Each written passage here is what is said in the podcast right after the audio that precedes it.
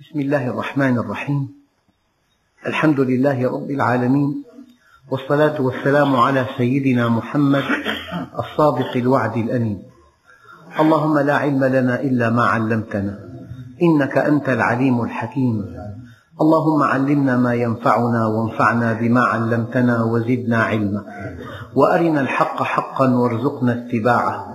وأرنا الباطل باطلا وارزقنا اجتنابه. واجعلنا ممن يستمعون القول فيتبعون أحسنه وأدخلنا برحمتك في عبادك الصالحين. أيها الإخوة الكرام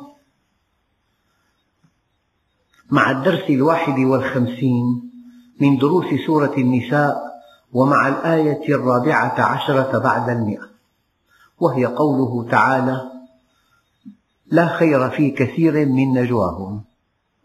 الحوار الكلام والإنسان مخلوق مكرم ومن دلائل تكريمه أنه علمه البيان. الرحمن علم القرآن خلق الإنسان علمه البيان. تصور مجتمع بلا لغة كيف نعيش؟ أوضح مثل الطفل يبكي ساعة. لا تعلم مما يشكو. تطعمه يبقى باكيا. تسقيه الماء يبقى باكيا. تنظفه يبقى باكيا. ما في لغة يحاكيك. أما الكبير يقول لك أنا جائع أنا متألم أشعر بدوار أشعر بألم بالرأس. فهي اللغة من تكريم الله لنا. الرحمن علم القرآن خلق الإنسان علمه البيان. اللغة أداة اتصال بين أفراد النوع. اتصال راقي جدا. لو أنه مثلا أردنا أن نمنع التجول في بلد وما في لغة. إذا فيها خمس ملايين إنسان بالمدينة بدنا خمس ملايين شرطي يمسك كل شرطي إنسان يدفعه للبيت. ما في طريقة ثانية. أما باللغة بلا خمس كلمات بالإذاعة انتهى كل شيء. ما في ولا إنسان بالطريق. أرقى أداة اتصال بين أفراد النوع. اللغة أداة تعبيرية يعبر بمقتضاها عن الفكر وعن المشاعر. فأنت باللغة تعبر عن مشاعرك وباللغة تعبر عن أفكارك وباللغة تفهم أفكار الآخرين وباللغة تفهم مشاعرهم وباللغة تتصل مع من حولك. هذه اللغة.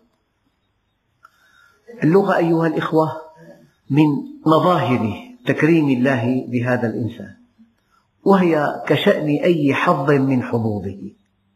قد تكون أداة خير قد تكون سلما يرقى به الإنسان وقد تكون دركات يهوي بها.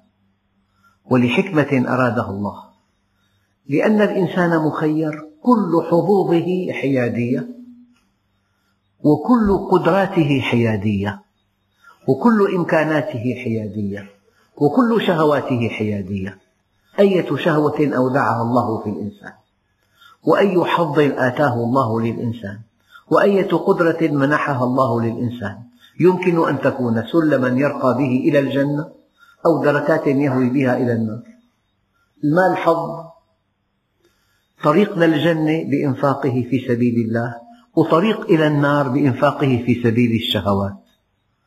والمرأة حظ طريق إلى الجنة بأن تتزوجها وأن تحسن إليها وطريق إلى النار بأن تزني بها. الآن اللغة حظ القدرة على الإقناع الحوار التكلم. فإما بهذا اللسان تعرف الناس بخالق الأكوان فترقى عند الله وإما أنه بهذا اللسان تعرف الإنسان بمسالك المعصية والفسوق والفجور. فيهوي بها إلى أسفل سافله اللغة حيادية. فيقول الله عز وجل لا خير في كثير من نجواهم. يعني اللغة نشاط من أوسع نشاطات الإنسان. ما في إنسان ما يتكلم ليلا نهارا في بيته وفي الطريق ومع من حوله ومع من فوقه ومع من دونه ومع أصدقائه ومع أعدائه. أوسع نشاط بشري هو الكلام.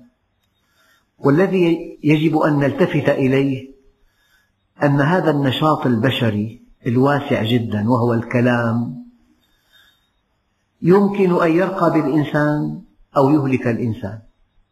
إن الرجل ليتكلم بالكلمة لا يلقي لها بالا يهوي بها في جهنم سبعين خريفا. ورد في الأثر أن قذف محصنة تهدم عمل مئة سنة. قذف محصنة إنسانة مؤمنة شريفة طاهرة أنت اتهمتها ظلما.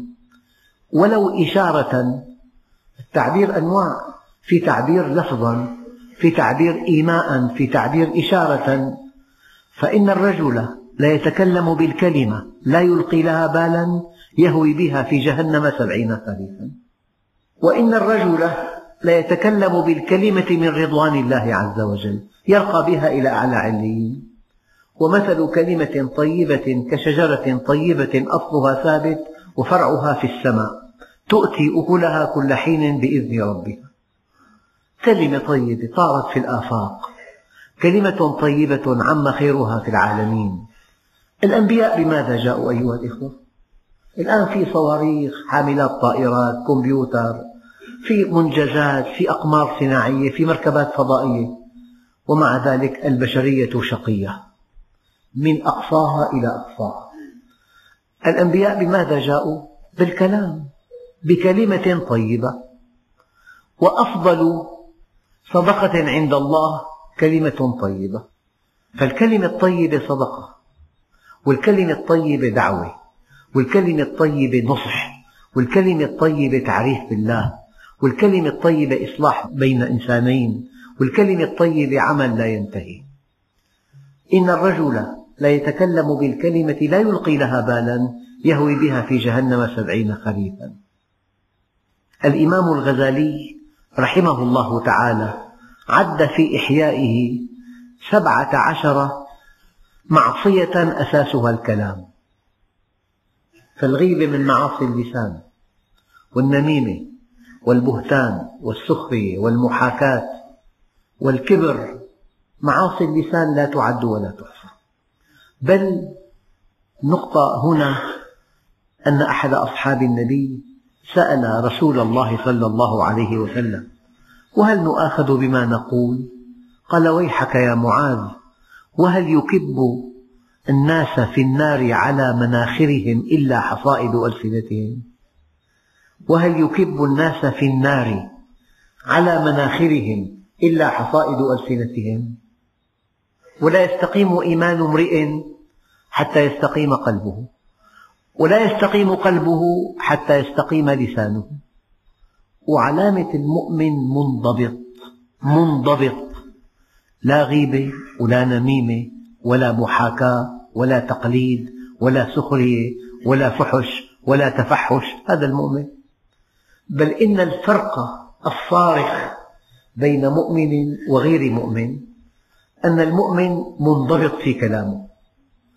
قد تعاشره أربعين عاما فلا تسمع منه كلمة نابية ولا تجريحا.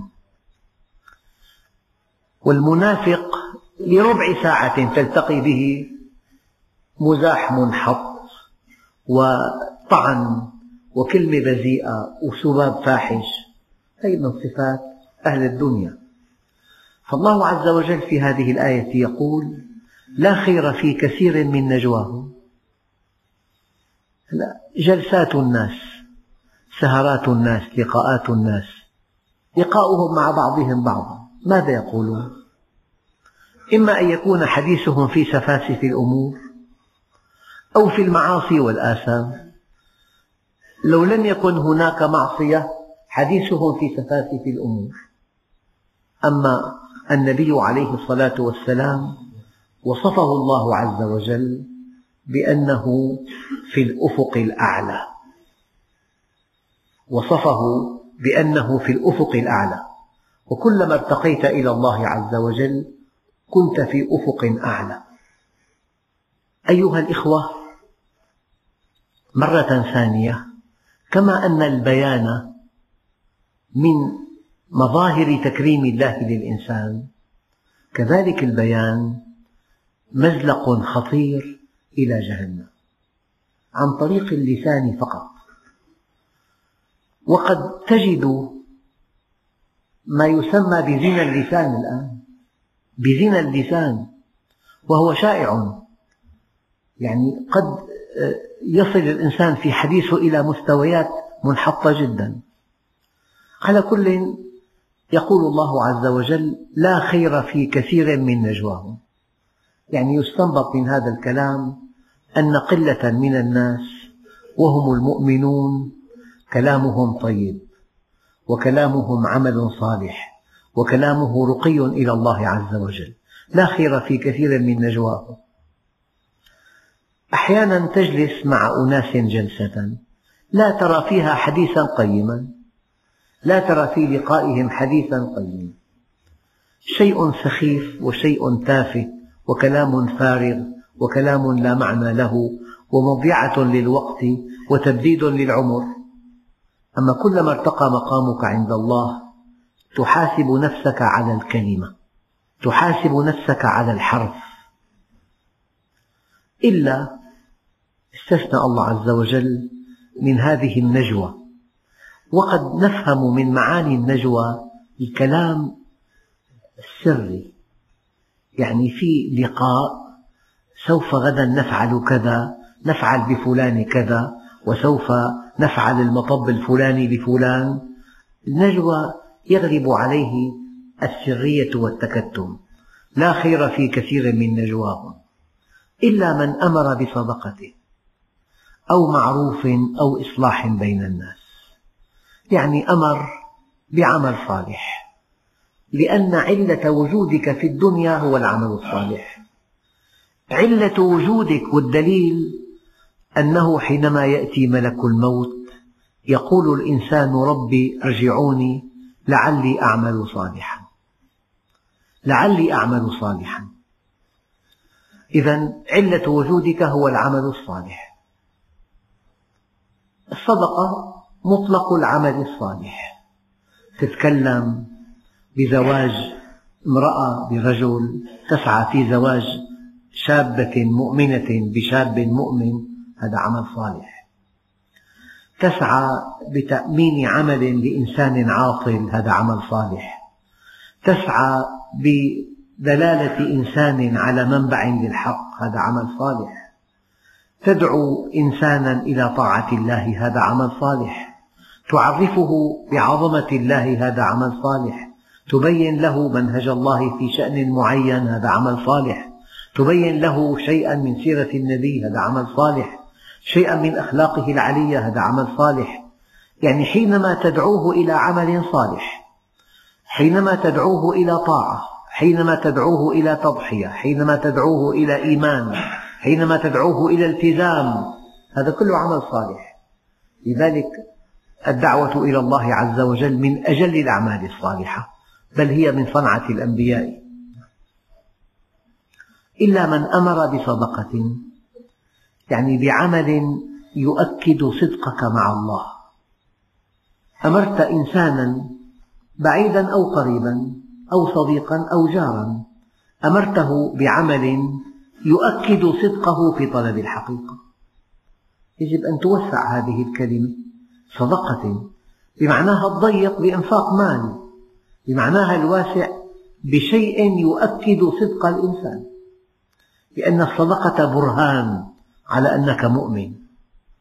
أو معروف يعني تعارف الناس بفطرهم السوية السليمة على أن هذا العمل طيب. والله أخبرني إنسان في محافظة في أقصى شمال شرق سوريا. توفيت زوجته.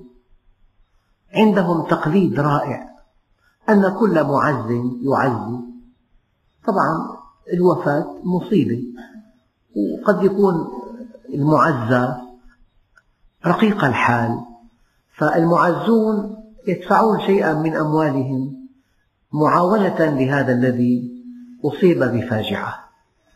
فشيء لطيف هذا شيء تقره الفطر السليمة أنبأني أخ بإفريقيا أيضا أن هذا مطبق عندهم. يعني المعزون يبذلون شيئا من أموالهم لمن فجعوا بهذا المصاب. فالذي فجع بموت والده أو موت أمه أو موت شقيقه فيتلقى بعض المساعدات من إخوانه المؤمنين. وهذا يعينه على حل مشكلاته. فأي عمل تقره الفطر السليمة أحيانا يكون في تعاون بين الناس على شيء ما. وهذا باب مفتوح مفتوح على مصراعيه. أي عمل فيه نفع المسلمين هو عمل صالح. والفطر السليمة تقره. وينبغي أن نقف قليلا عند قول الله عز وجل يأمر بالمعروف وينهى عن المنكر ما المعروف؟ ما تعارفت عليه الفطر السليمة ما المنكر؟ ما أنكرته الفطر السليمة المعروف ما تعارفت عليه الفطر السليمة والمنكر ما أنكرته الفطر السليمة إذا إما أن تدفع الناس بكلامك إلى عمل يؤكد صدق إيمانهم أو يؤكد صدق إخلاصهم لله أو بالمعنى الضيق إلى إنفاق أموالهم في سبيل الله أو معروف أي شيء لم يرد في الدين لكن الأعراف تصدقه وتؤكده. يعني مرة حدثني أخ أنه في بعض البلاد الإسلامية أحد أنواع الوقف وقف الإصلاح بين الزوجين. يعني مؤسسة فيها علماء وفيها خبراء اجتماعيين وفيها آه، مرصود مبالغ لها. فأي مشكلة بين زوجين يأتي المشرف يأتي الشيخ يقنع الزوج يقنع الزوجة يعيد هذه الأسرة إلى وئامها. هذا عمل صالح. وقف للإصلاح بين الزوجين مثلا.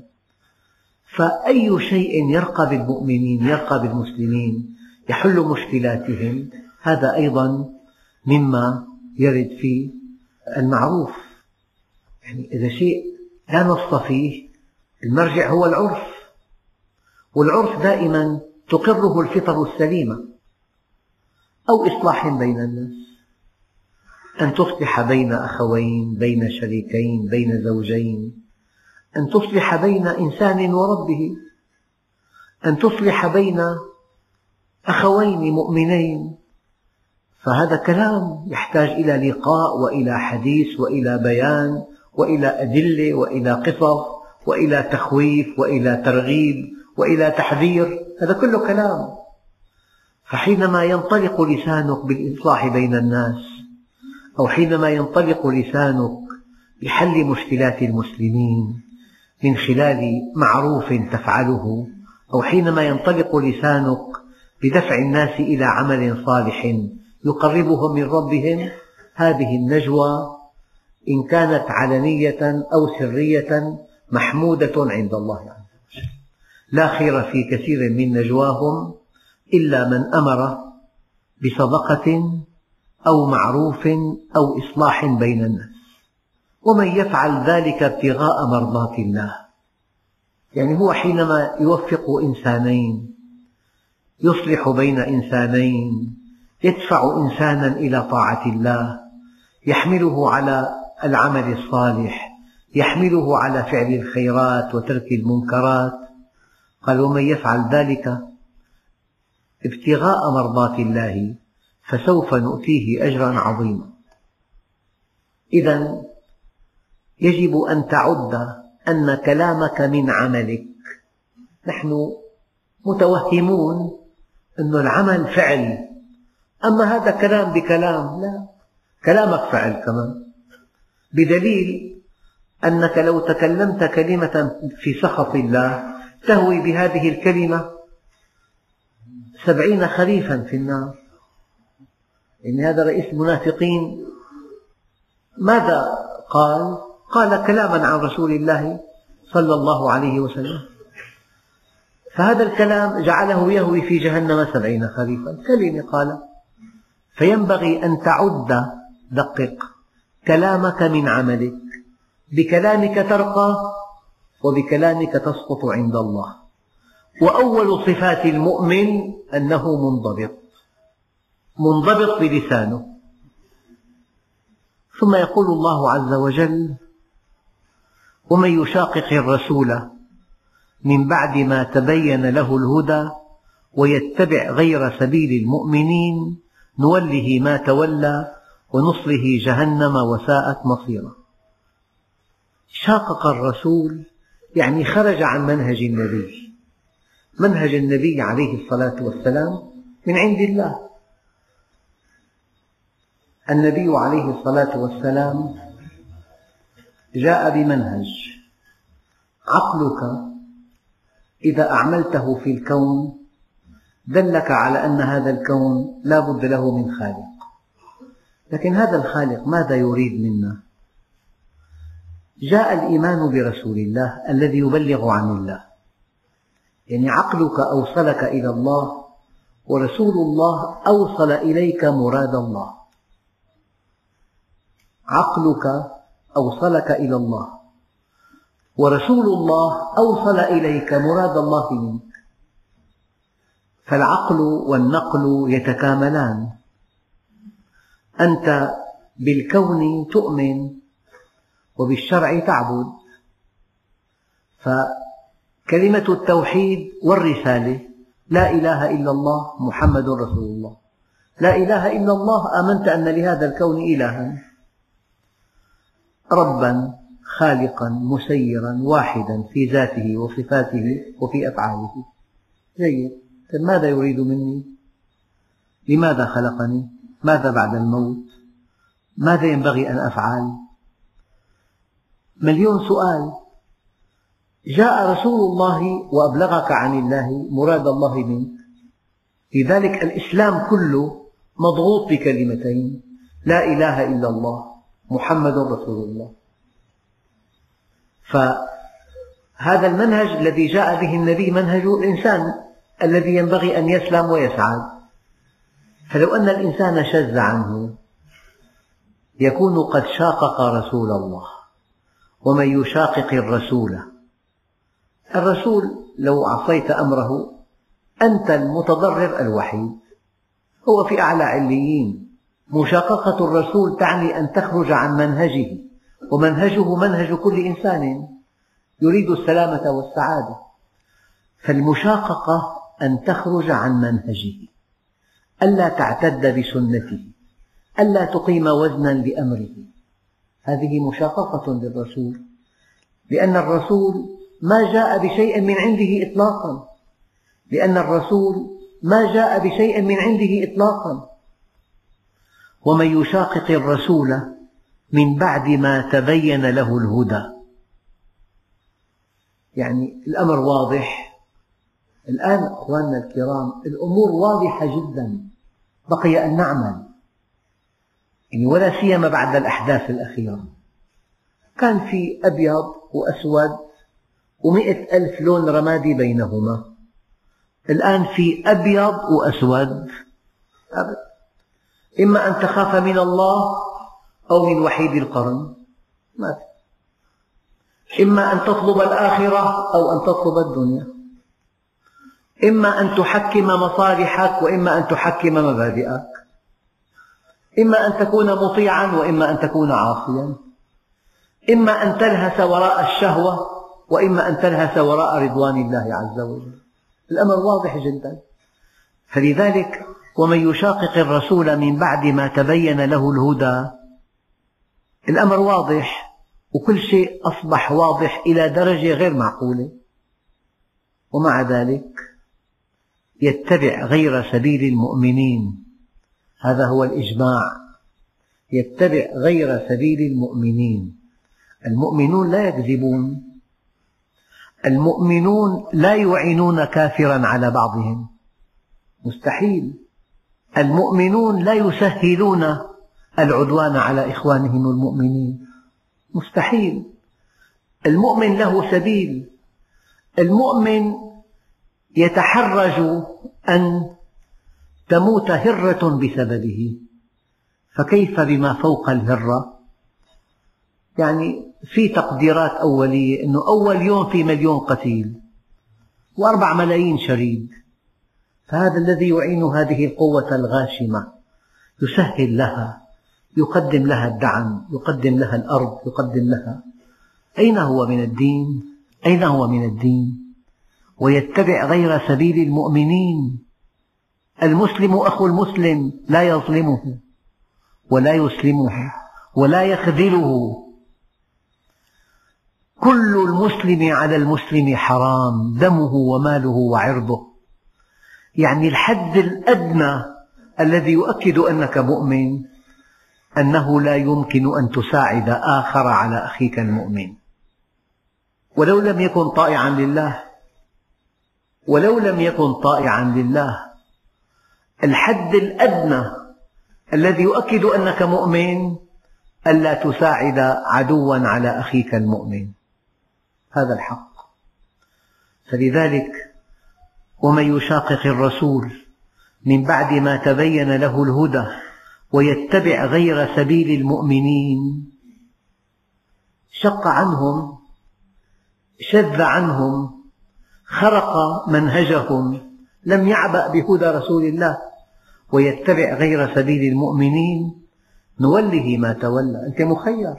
نعطيك ما تريد. لكن ونصله جهنم وساءت مصيرا هذه آية تهديد. إيه؟ هكذا تريد. ليكن ما تريد. لكن انتظر العقاب. ومن يشاقق الرسول. من بعد ما تبين له الهدى ويتبع غير سبيل المؤمنين نوله ما تولى. الإنسان مخير. كلا نمد هؤلاء وهؤلاء من عطاء ربك وما كان عطاء ربك محظورا. ماذا تريد؟ تريد أن تكون في خدمة الخلق لك ذلك. تريد أن تكون في إيذاء الخلق لك ذلك. لا تؤذي من تريد. إنك تؤذي من يعد الأذى في حقه حكمة بالضبط. يعني أدق كلام أن إنسان نوى أن يسرق. إيه؟ أنت مخير. لك ذلك. لكن, لكن الله يسوقه إلى من إذا سرق ماله اتعظ من هذه السرقة. يسوقه إلى من تعد سرقة ماله معالجة له. بالضبط. الله بينسق وكذلك نولي بعض الظالمين بعضا بما كانوا يكسبون. الله بينسق فأنت تريد الشر لكن الله يوظف لك الشر لمعالجة الآخرين. أوضح مثل إن فرعون علا في الأرض وجعل أهلها شيعا يستضعف طائفة منهم يذبح أبناءهم ويستحيي نساءهم. إنه كان من المفسدين. ونريد أن نمن على الذين استضعفوا في الأرض ونجعلهم أئمة ونجعلهم الوارثين ونمكن لهم في الأرض ونري فرعون وهامان وجنودهما منهم ما كانوا يحذرون. هذا ترتيب الله عز وجل. إذا عصاه من يعرفه سلط عليه من لا يعرفه. إلى أن يعود الذي يعرفه وقد عصاه فإذا عاد إليه قواه ومكنه من الذي ظلمه إلى أن يعود الظالم إلى الحق. يسوق هؤلاء لهؤلاء وهؤلاء لهؤلاء. لذلك سألوا مرة تيمور لنج من أنت؟ أجاب إجابة رائعة. قال أنا غضب الرب. يعني الإنسان يغضب يعلو صوته. قد يكسر آنية بيده. وإذا غضب الله يرسل تيمور لنج يرسل هولاكو. يرسل وحيد القرن. أبدا. أنا غضب الرب. أنا ملك الملوك ومالك الملوك. في الأثر القدسي قلوب الملوك بيدي. فإن العباد أطاعوني حولت قلوب ملوكهم عليهم بالرأفة والرحمة.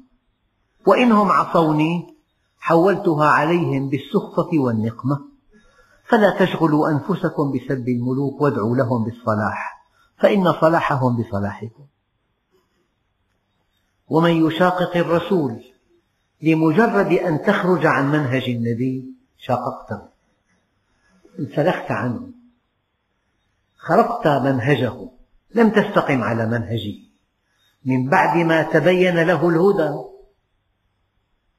ويتبع غير سبيل المؤمنين. المؤمنون لهم سبيل لهم نظم لهم قيم لهم مبادئ لهم أساليب في الحياة. أساسها الصدق والأمانة والعفة والانضباط والإحسان والإنصاف والعدل. هذا سبيل المؤمنين. ويتبع غير سبيل المؤمنين. ولأنه مخير نوله ما تولى. لك ذلك. لك ذلك. لكن لك ذلك لا على من تشاء أنت على من نشاء نحن. حينما يريد الإنسان أن يظلم إنسانا هو أراد أن يظلم لكن الله يسوقه إلى من يعد هذا العمل في حقه حكمة. نوله ما تولى. كما تريد. أم أبرموا أمرا؟ فإنا مبرمون. لك ذلك. وادفع الثمن. قال له عظني ولا تطل قال له قل آمنت بالله ثم استقم. قال أريد أخف من ذلك. قال إذا فاستعد للبلاء. تحمل. يا رب كم عصيتك فلن تعاقبني؟ قال عبدي كم عاقبتك ولم تدري. وقالوا نحن أبناء الله وأحباؤه. قل فلم يعذبكم بذنوبكم؟ بل أنتم بشر ممن خلق. والذي يقوله المسلمون اليوم نحن من أمة محمد صلى الله عليه وسلم. قل فلم يعذبنا بذنوبنا؟ بعد أن لم نتبع منهج النبي نحن بشر ممن خلق. من دهماء الأمم هان أمر الله علينا فهن على الله. والله ما من أمة في هذه المرحلة أشد هونا من المسلمين. أبدا.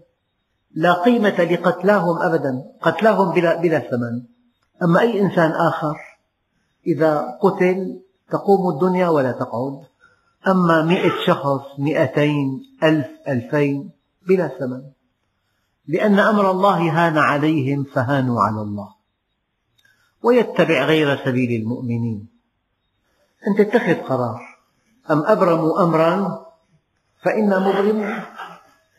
أردت أن تفعل هذا؟ افعل. وادفع الثمن. اعملوا ما شئتم. إن إلينا إيابهم ثم إن علينا حسابهم. نوله ما تولى. لك ذلك لكن المصيبة في دفع الثمن. إنسان يرتكب جريمة يحقق ربح كبير يتمتع يومين ثلاثة ثم يلقى القبض عليه. يحاكم بالإعدام يساق للمشنقة وصل إلى طريق مسدود. بحب يضحك يضحك لا بد من أن يعدم.